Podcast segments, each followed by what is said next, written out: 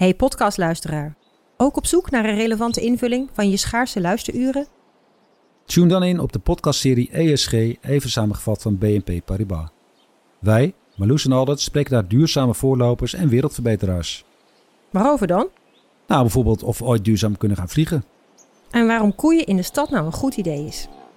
Dat en meer elke twee weken in een nieuwe aflevering. Dus abonneer je. ESG, even samengevat. Ik ben al jaren ondernemer, maar waar moet ik eigenlijk allemaal aan denken nu ik voor het eerst personeel wil aannemen, voor het eerst ga importeren of voor het eerst een bedrijfslocatie zoek? Weet wat je wel of niet moet doen bij zaken die je voor het eerst oppakt. Check kvk.nl voor praktische stappenplannen. KVK, hou vast voor ondernemers.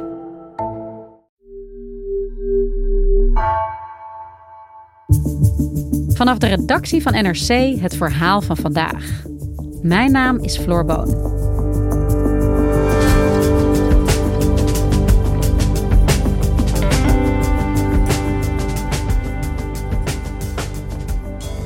Mikhail Gorbachev, de laatste president van de Sovjet-Unie, overleed dinsdag op 91-jarige leeftijd.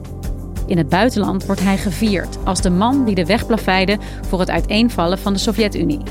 Veel Russen verwijten hem juist het Russische imperium te hebben verkwanseld, vertelt Ruslandkenner Hubert Smeets. Wat is de erfenis van Gorbachev?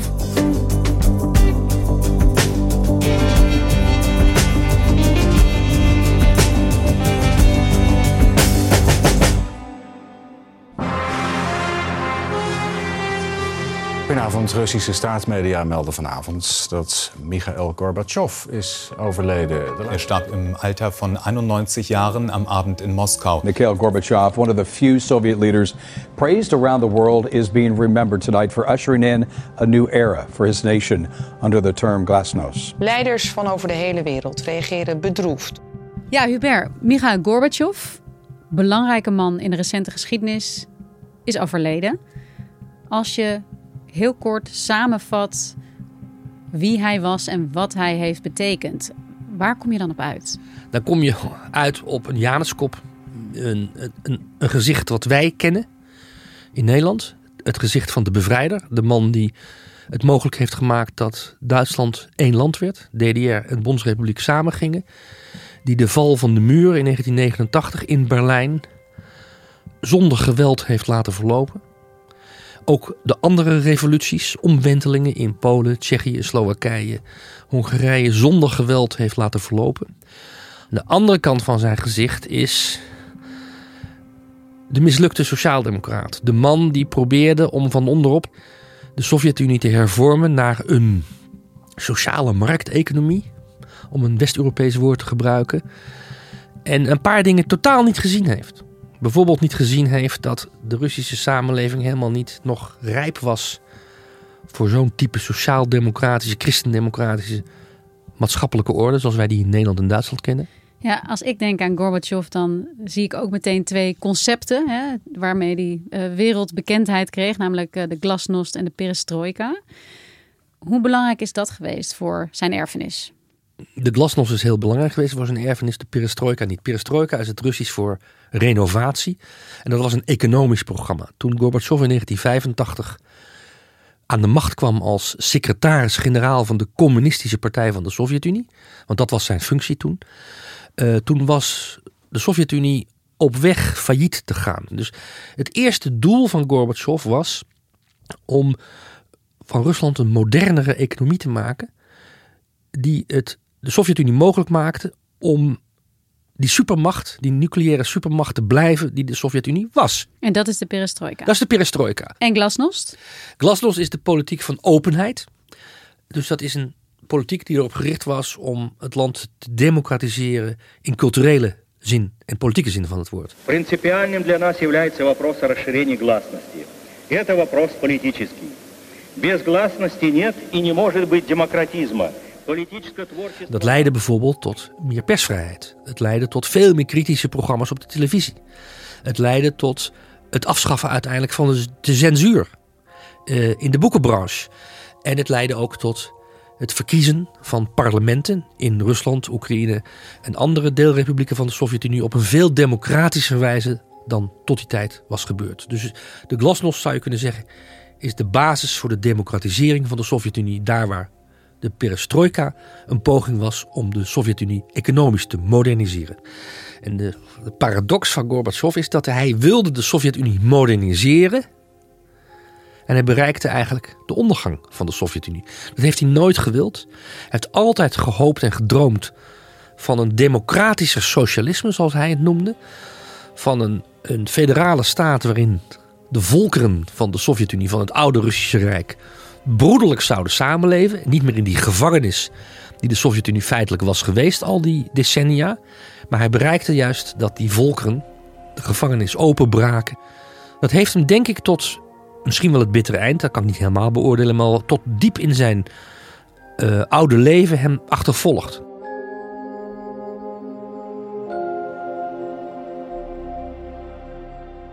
Ja, Hubert, jij was correspondent in ja, wat toen nog de Sovjet-Unie was. Begon in 1990 tot 1993.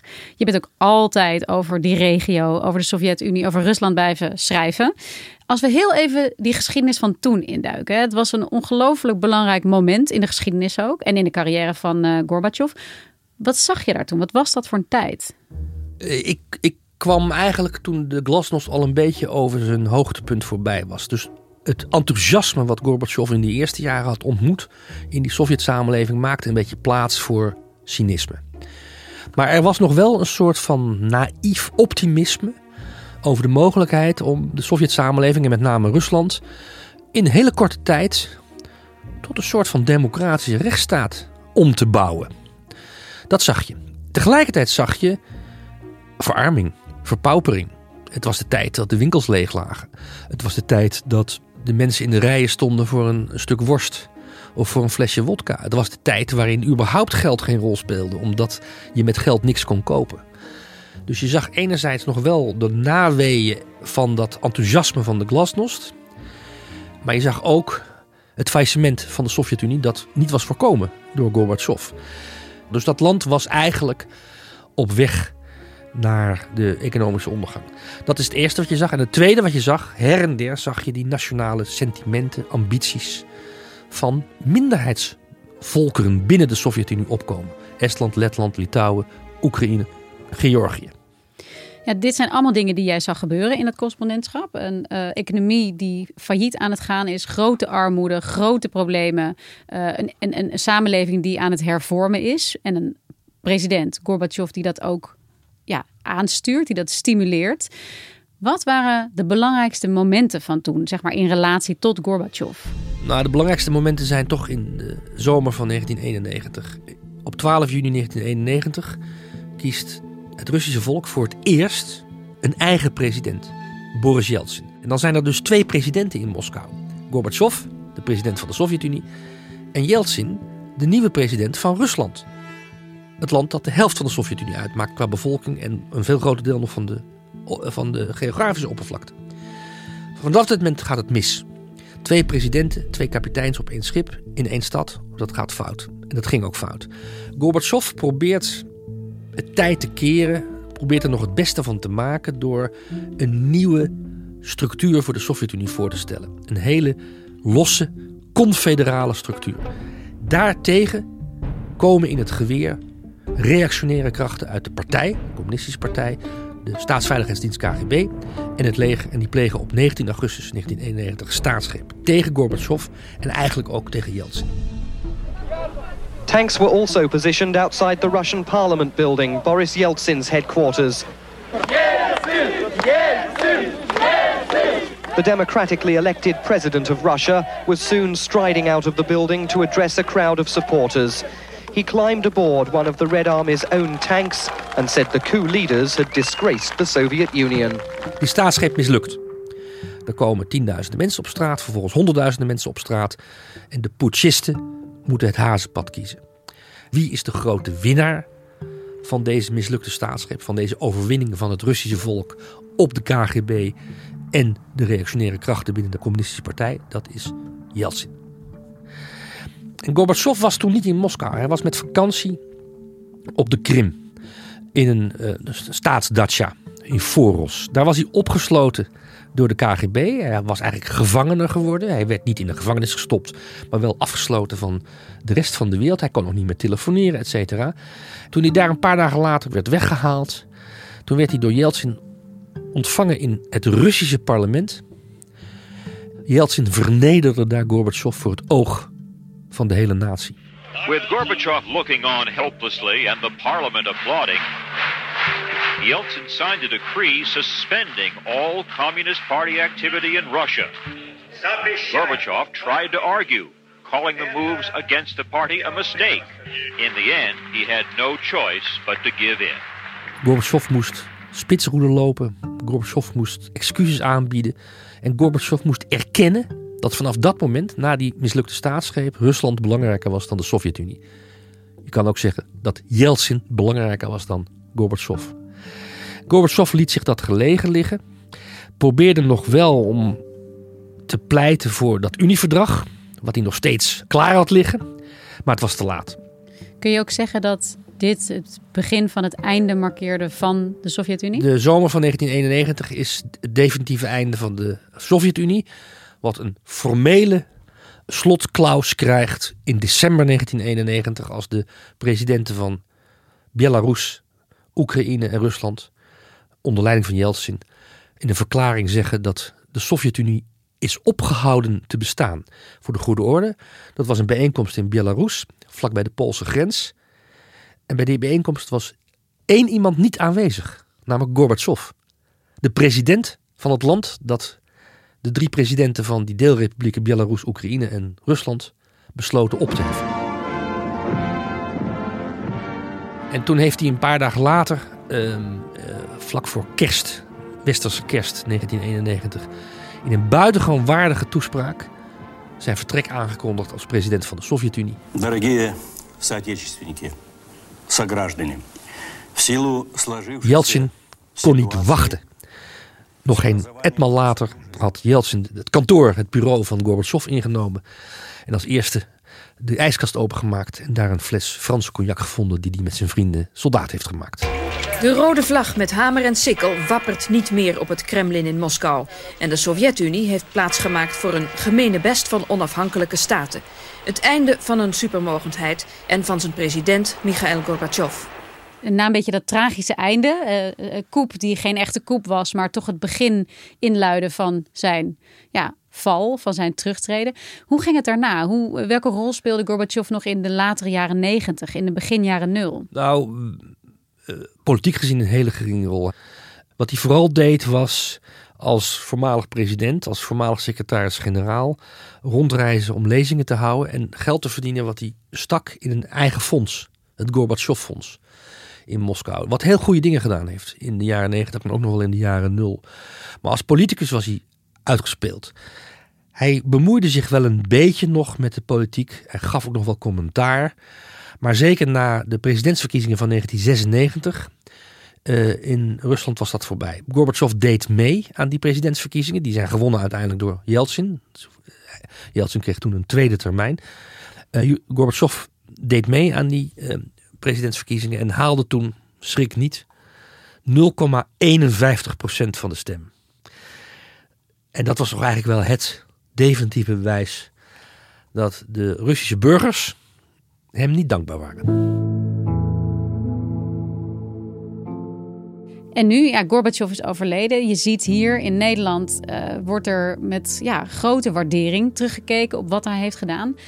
Hoe is dat in Rusland? Hoe kijken mensen in Rusland terug op Gorbachev en ja, wat hij heeft betekend? Precies omgekeerd. In Rusland is hij eigenlijk de afgelopen 25 jaar gezien als de doodgraver van de Sovjet-Unie. En voor de gemiddelde Rus is de Sovjet-Unie niet dat communistische land, maar een ander woord voor het grootste Russische rijk van de 19e eeuw. Het imperium van Tolstoj, Pushkin, Tchaikovsky en de hele rattenplan. En die terugkeer naar die tijd is op dit moment dominant in Rusland. Hij is degene die dat grote Rusland, dat historische Rusland met die enorme rijke, duizendjarige geschiedenis kapot heeft gemaakt.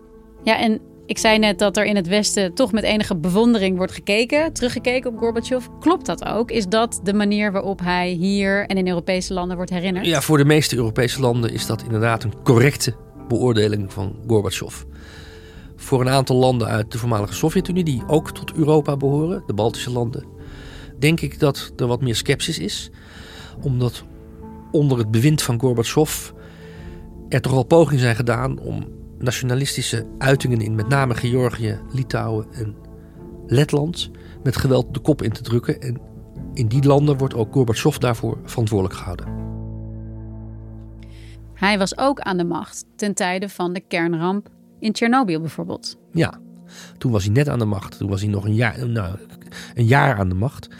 Uh, dat was een fout, omdat reflex in de Sovjet-Unie, reflex in Moskou in het algemeen, bij dat soort rampen is stilhouden, geheim houden. Niet naar buiten treden met eerlijke informatie.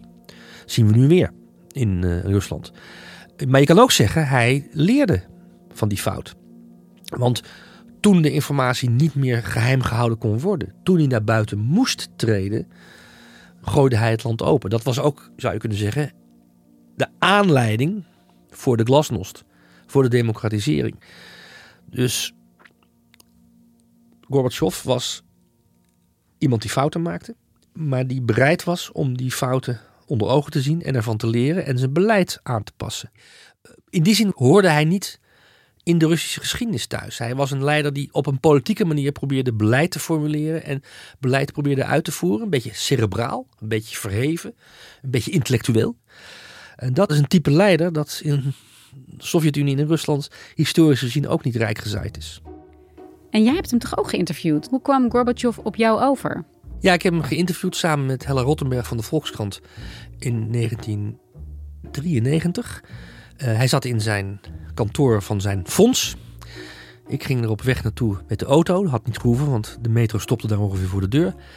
En raakte betrokken bij een auto-ongeluk vlak voor het stadion van de voetbalclub Dynamo Moskou. Dus ik kwam aan bij zijn kantoor. Ik was wel op tijd. Uh, met zwarte handen van het wisselen van de banden. Die ik nog net een beetje kon wassen in de wc bij Gorbachev. Uh, maar hij lette er niet op. Want Gorbachev was wel een klassieke Russische leider. Hij sprak een beetje uit de hoogte, van boven naar beneden. Hij sprak tot jou.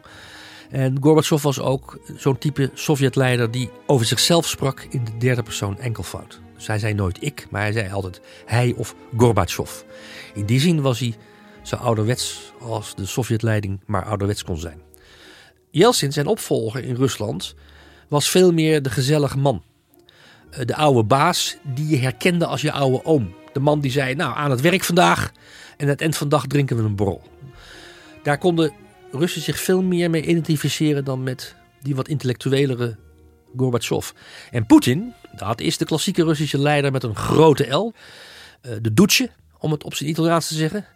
Uh, dat is de patroon. De man die het leven van de Rus in de ogen van de Russen tot op detailniveau kan beïnvloeden. Die alles bepaalt wat er in Rusland gebeurt. Van Kremlin tot in de kleinste uithoeken van het immense rijk. Dan gaan we heel even terug naar het nu, 2022. Rusland valt Oekraïne binnen. Hoe keek Gorbachev hiernaar? Dat weten we officieel niet. We weten alleen uh, uit informatie die verstrekt is door de hoofddirecteur, oprichter van een van de vrije radiostations. Die heette Echo Moskwi, de Echo van Moskou. Die hoofddirecteur van dat radiostation was een goede bekende van Gorbachev en kwam daar vrij vaak. En die heeft na het begin van de invasie naar buiten gebracht dat Gorbachev diep ongelukkig was met deze openlijke oorlog over de volle breedte tegen het broedervolk van Oekraïners. Maar Gorbachev was, als het ging om de buitenlandse politiek van Poetin, altijd zeer terughoudend. Hij heeft eigenlijk nooit fundamentele kritiek geuit op Poetin als het ging om de buitenlandse politiek. Als het om de binnenlandse politiek ging van Poetin, de repressie die onder Poetin hand over hand is toegenomen de afgelopen twintig jaar, durfde hij zich wel uit te laten. Maar als het ging om de buitenlandse politiek, was het toch een beetje wat je vaker ziet in de wereld. Uh, goed of fout, het is wel mijn vaderland. En dan hou je je mond. Dat gold ook voor Gorbachev. En nu, hè, hier besteedt iedereen aandacht aan zijn dood en uh, verschijnen er necrologieën. We, we, praten er hier over. Hoe gaat dat nu in Rusland? Krijgt hij een staatsbegrafenis? Hij krijgt geen staatsbegrafenis, is bekend geworden een dag na zijn dood. Hij zal worden begraven naast zijn vrouw Raisa uh, op de begraafplaats van een klooster in het hart van Moskou, dat wel. En we zullen zien hoe die begrafenis zich voltrekt. Uh, op dit moment valt er niks zinnigs over te zeggen. Het kan zijn dat er anderhalve man en een paardenkop langs de route staat met een, uh, met een uh, grisant of een, of een tulp. En dan weten we dat de lage status van Gorbachev in Rusland tot op de dag van vandaag geldt. Het kan ook zijn dat de begrafenis van Gorbachev wordt opgevat en gebruikt ook een beetje door de critici van Poetin, de tegenstanders van de oorlog in Oekraïne, om hun positie kenbaar te maken. Want een demonstratie op het Rode Plein uit elkaar slaan door de ME, dat is een fluitje van een cent voor Poetin. Maar een begrafenisstoet verdrijven met traangas is denk ik een stap te ver voor Poetin. We zullen zien. Uh, hij speelde geen politieke rol, maar het kan zijn dat hij in zijn laatste gang alsnog een kleine politieke rol krijgt toegedicht. En dat zou in het licht van zijn betekenis niet meer dan historisch gerechtvaardigd zijn. Dankjewel, Hubert. Niet te danken.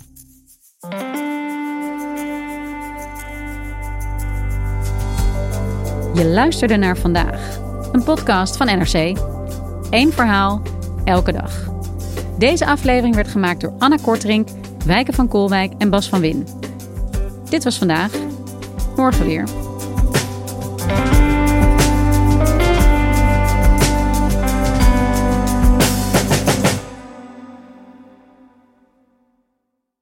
Technologie lijkt tegenwoordig het antwoord op iedere uitdaging. Bij PwC zien we dit anders. Als we de potentie van technologie willen benutten, kunnen we niet zonder een menselijk perspectief. Human-led, tech-powered noemen we dat. Ga naar pwc.nl.